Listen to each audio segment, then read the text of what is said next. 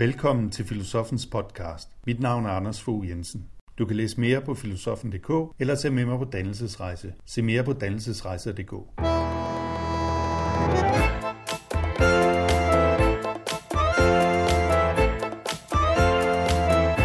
Denne sæson handler om samtidsdiagnose, om den tid vi lever i.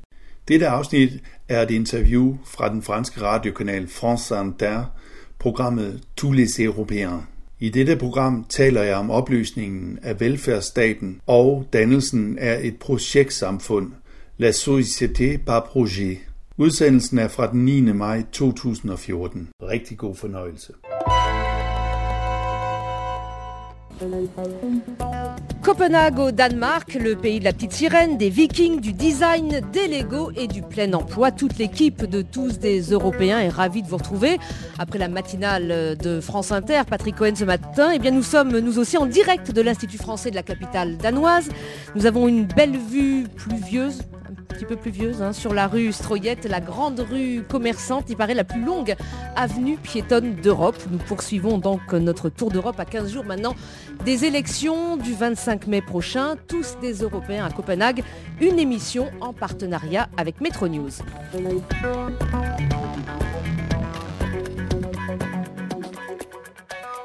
Nous accueillons ce soir Anders Fogh Jensen. Bonsoir. Bonsoir. Vous êtes philosophe. Vous venez de publier en anglais il y a, deux ans The Project Society.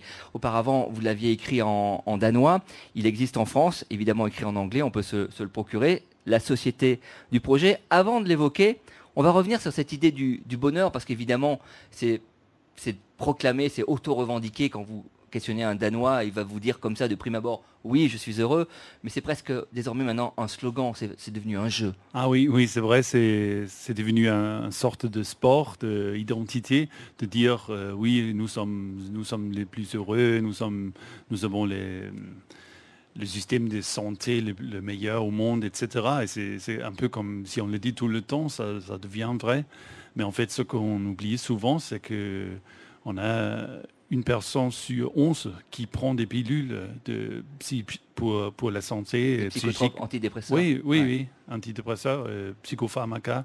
Euh, et donc, euh, c'est peut-être une, une, Je ne sais pas si c'est une illusion, mais c'est quand même une une sorte d'idée qu'on a et qu'on dit le, tout, le temps. Est-ce qu'on peut parler de dignité, presque d'humilité? Parce qu'il y, y, a quelque chose qui est très très important aussi ici, c'est mm. ce qu'on appelle la, la, la Janteloven, ah c'est-à-dire euh, euh, la loi de, de Jante qui est inspirée d'un auteur euh, des années 30, danois, mm. très connu, dans un de ses livres, et où il est question en fait des dix commandements de l'humilité. Tu ne seras pas supérieur aux autres, tu ne te croiras mm. pas plus malin. Est-ce qu'on peut parler d'une psychologie danoise à ce niveau-là? Oui, c'est vrai. Peut-être c'est une psychologie protestante je ne sais pas, mais, c'est une sorte d'idée qu'on ne doit pas, au contraire aux Américains, on ne doit pas euh, croire qu'on est quelque chose de spécial. C'est vrai que euh, c'est très normal ici. Et ça, donne aussi une sorte de snobisme à l'inverse, qu'on ne doit pas euh, parler d'une manière qu'on sait bien comment est le monde et on ne doit pas, réfléchir très avancé. On doit parler comme, comme, comme tout le monde. C'est vrai, comme ça, c'est une, une, sorte d'égalitarisme. Alors, ça me fait penser à une citation de Carsten Johnson, ce que vous dites là, c'est-à-dire mm. qu'on ne doit pas parler pendant rien dire, on ne doit pas être euh, beau parleur. Il disait L'homme qui séduit avec les mots est toujours le méchant, le bon est celui qui ne sait pas parler. On se méfie de ce qui est éloquent au Danemark. Ainsi, si le sexe est considéré comme un acte naturel, l'érotisme ne l'est pas. L'érotisme, c'est du sexe qui devient du théâtre, et ça, les Français et les Italiens savent très bien le faire. Et, donc, pour vous, c'est exactement ça, c'est cette défiance de l'éloquence. Euh, oui, oui, bien sûr. Et, je crois aussi c'est pourquoi on n'a pas vraiment une tradition de l'actuel, euh, de l'intellectuel comme on a en, France, par exemple. On n'a pas des grands écrivains, on n'a pas des grands philosophes, etc. Mais, on a aussi une attitude qu'il faut, il vaut mieux euh, demander aux économistes plutôt qu'aux aux, éloquents.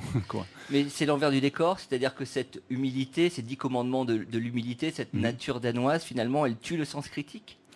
Euh, oui, d'une manière, oui. Euh, on est, je crois, très content de ce qui est. On n'est on pas euh, très critique des politiciens ou des, des, médias, mais on accepte ce qu'on qu'on est, on est présenté. Quoi.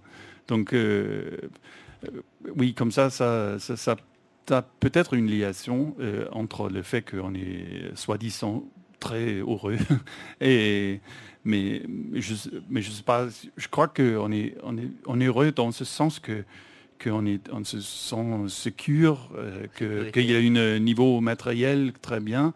Mais je crois aussi que c'est peut-être la population le plus euh, qui se sent le plus solitaire au monde le plus seul oui la société du projet que vous avez écrit, euh, donc c'est à la fois philosophique et en même temps pas trop, dans le sens où c'est une, on va dire une philosophie assez ouverte, pédagogique, assez mhm. euh, comme, comme vous savez le faire finalement les Nordiques, parce qu'il y a une tradition quand même de, philosophie très pédagogique. Mhm. Euh, la société du projet s'oppose à, enfin s'oppose, succède à une société disciplinaire qui était celle de de, Foucault, oui. Euh, où tout était réglementé, c'est-à-dire qu'on que on partait en vacances en août, le lundi on faisait, le samedi on faisait ses courses.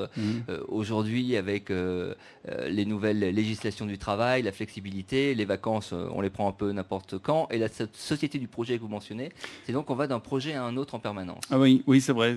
Ce que Foucault a décrit, c'était une société disciplinaire, quoi, euh, où tout était réglé, planifié, etc. Et on peut demander qu'est-ce, qui vient après la planification Et une sorte de réponse, c'est les projets. Et, je pense que les Danois, ils ont beaucoup de projets tout le temps. Euh, c'est-à-dire, qu'est-ce qu'un, projet? C'est une projette, c'est une, on jette dans l'avenir. Mais ça, euh, on a des idées, on a quelque chose qu'on veut réaliser tout le temps. Mais ce n'est pas seulement une question d'organisation dans les entreprises ou dans l'école. Le projet est partout au Danemark, en fait. Mais c'est aussi une question d'identité, qu'on on comprend soi-même à partir de ces projets. Donc on demande pas euh, si souvent euh, à la dame à côté, euh, qu'est-ce que vous avez répété pendant des décennies avec succès, mais on demande qu'est-ce que vous êtes en train de faire? Moi, je suis en train de devenir celui. Donc, on, tire de l'avenir quand on doit se définir, euh, euh, quand on va répondre à la question qui êtes-vous? Quand, quand on a préparé cette émission ensemble hier, vous me disiez une, figure métaphorique très juste. C'est comme si on était sur un iceberg en train de fondre en permanence et, il fallait toujours se préoccuper de sauter sur l'iceberg d'à côté. Ah oui, parce que quand on est organisé en, projet, ça c'est bon pour une organisation qui veut être très flexible, qu'on n'est pas euh, dans une euh, poste fixe, mais seulement une poste euh, transitoire ou provisoire. Et on, doit toujours penser au passage au prochain projet. Euh, on, doit le trouver euh, avant que, que l'iceberg euh, se fond. Et donc, on n'est jamais véritablement tranquille. C'est drôle parce qu'on parlait de la sécurité tout à l'heure, qui, qui amenait une, une tranquillité d'esprit, la, véritable sécurité. Or, la flexi-sécurité, la flexibilité vous oblige à être toujours sur, j'allais dire, sur les dents. Ah oui, c'est vrai qu'on est très orienté vers le passage au prochain. Et donc, on, on, commence à traiter les projets, mais aussi les autres, comme des tremplins qu'on va sauter du projet à projet.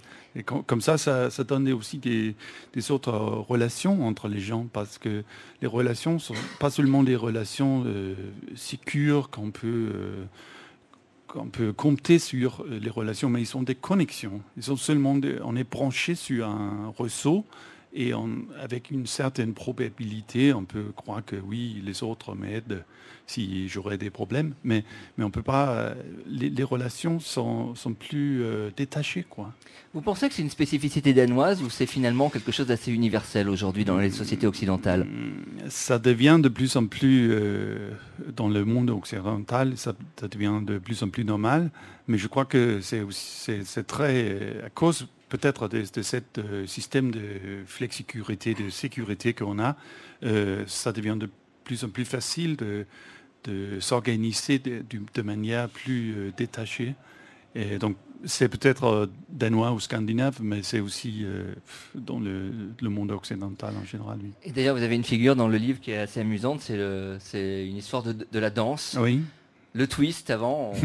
Et aujourd'hui, ce n'est plus le twist. Non, non, c'est vrai, il y a une évolution de la danse pendant le XXe siècle où on commence à être euh, de, plus en plus euh, éloigné l'un de l'autre. Et avec le twist, on, on, commençait déjà à se détacher. Hein. Oui, on, se détache. Et là, la relation est ouverte. Tu, tu, sais, tu ne sais plus avec qui tu danses, mais tu dois toujours donner un effort pour, pour garder la, relation. La relation est toujours quelque chose qui, qui n'est pas si cure, mais... On se tourne les uns vers les autres et on danse en se regardant. oui, oui c'est ça. Et en fait, moi, je ne pouvais pas répondre à, mes parents quand ils me demandaient avec qui tu, tu dansais avec quelle fille hier mais je ne pouvais pas répondre parce que c'était un peu avec tout, tout, le monde et avec le mur, avec moi. c'était euh, assez amusant. L'éducation, euh, il y a une notion qui, est, qui vous est chère, c'est l'État-providence. Mm-hmm. Et cet État-providence, vous avez été éduqué avec et aujourd'hui, il n'est plus. Oui, il est en fait, je crois qu'il est en train de, de, fondre ou de se dissoudre parce qu'on dit ah, que. Pardon, c'est pas encore l'iceberg. Enfin, on en parlait tout à l'heure. Ah, Vous avez encore euh, un État-providence qui que, presque nous envions. Ah, oui, c'est vrai qu'on a, on, l'a déjà, mais on, dit que c'est qu'il y a des problèmes si on n'est pas, euh, si on n'a pas de croissance, que si on n'est pas compétitif, etc. Donc on essaye de transformer l'État-providence dans une grande entreprise ou une multiplicité d'entreprises pour le sauver. Donc d'une manière, on le tue pour le sauver. Euh, et ça, c'est euh, c'est pas tout dans les, le secteur public aujourd'hui que, que ça fonctionne un peu comme un marché. Et ça, ça, donne des problèmes, par exemple, dans les secteurs d'éducation. De notre point de vue, euh, Anders Fogh Jensen, qui est, avec nous, je rappelle que vous êtes philosophe, de notre point de vue français, c'est une véritable innovation. D'ailleurs, c'est une spécificité au Danemark, parce que chez nous, on a vraiment l'impression euh, qu'il y a un, fossé entre la classe politique et les citoyens qui se manifeste par l'abstention. Or, on n'a pas cette impression-là quand on vient au Danemark, et pourtant, vous, de l'intérieur, vous trouvez que euh, la vie politique et les citoyens se séparent de plus en plus. Euh, oui, c'est vrai. Ça, c'est une, sorte d'initiative qu'on fait beaucoup ces années pour euh, faire ce qu'on appelle en danois den aktiv borger, le citoyen actif. On, on essaye d'activer le citoyen pour améliorer la, culture, la société. Mais c'est vrai, à la fois, on, se distance de plus en plus. On, a l'impression que les politiciens n'écoutent pas du tout le, peuple et le peuple euh, arrête de, vouloir entendre ce que disent les politiciens. On a, l'impression qu'on vote, par exemple, euh, c'est le, cas le plus grave maintenant, c'est qu'on a, on a un gouvernement euh, gauche, soi-disant gauche, qui, qui, a, qui mène une politique qui est même plus droite que, les, partis droites, dont les, partis droites ne savent pas quoi faire parce que parce que c'est le, rêve néolibéral qu'ont les droites qui, qui, est maintenant euh, mené par un gouvernement qui, se disent socialiste. Et ça, les gens sont très euh, frustrés. ces, années-là à cause de ça. Donc, on, a beaucoup de croissance, euh, beaucoup de, confiance l'un l'autre, mais envers les politiciens, je pense que, non. ça, ça aussi à cause de, tout euh, le phénomène de spin qu'on a, qu'on a vu à Borgen, par exemple. Bah, écoutez, là, vous me servez la transition, plus rien à faire. Merci mille fois Anders oui. Jensen d'être venu, The Project Society, que l'on peut évidemment trouver sur les, euh, les sites euh, internet euh, français de vente en, correspondance. C'est en anglais, mais c'est absolument passionnant. Merci encore d'être venu ce soir pour nous parler de la société danoise du projet. Merci à vous. Du projet.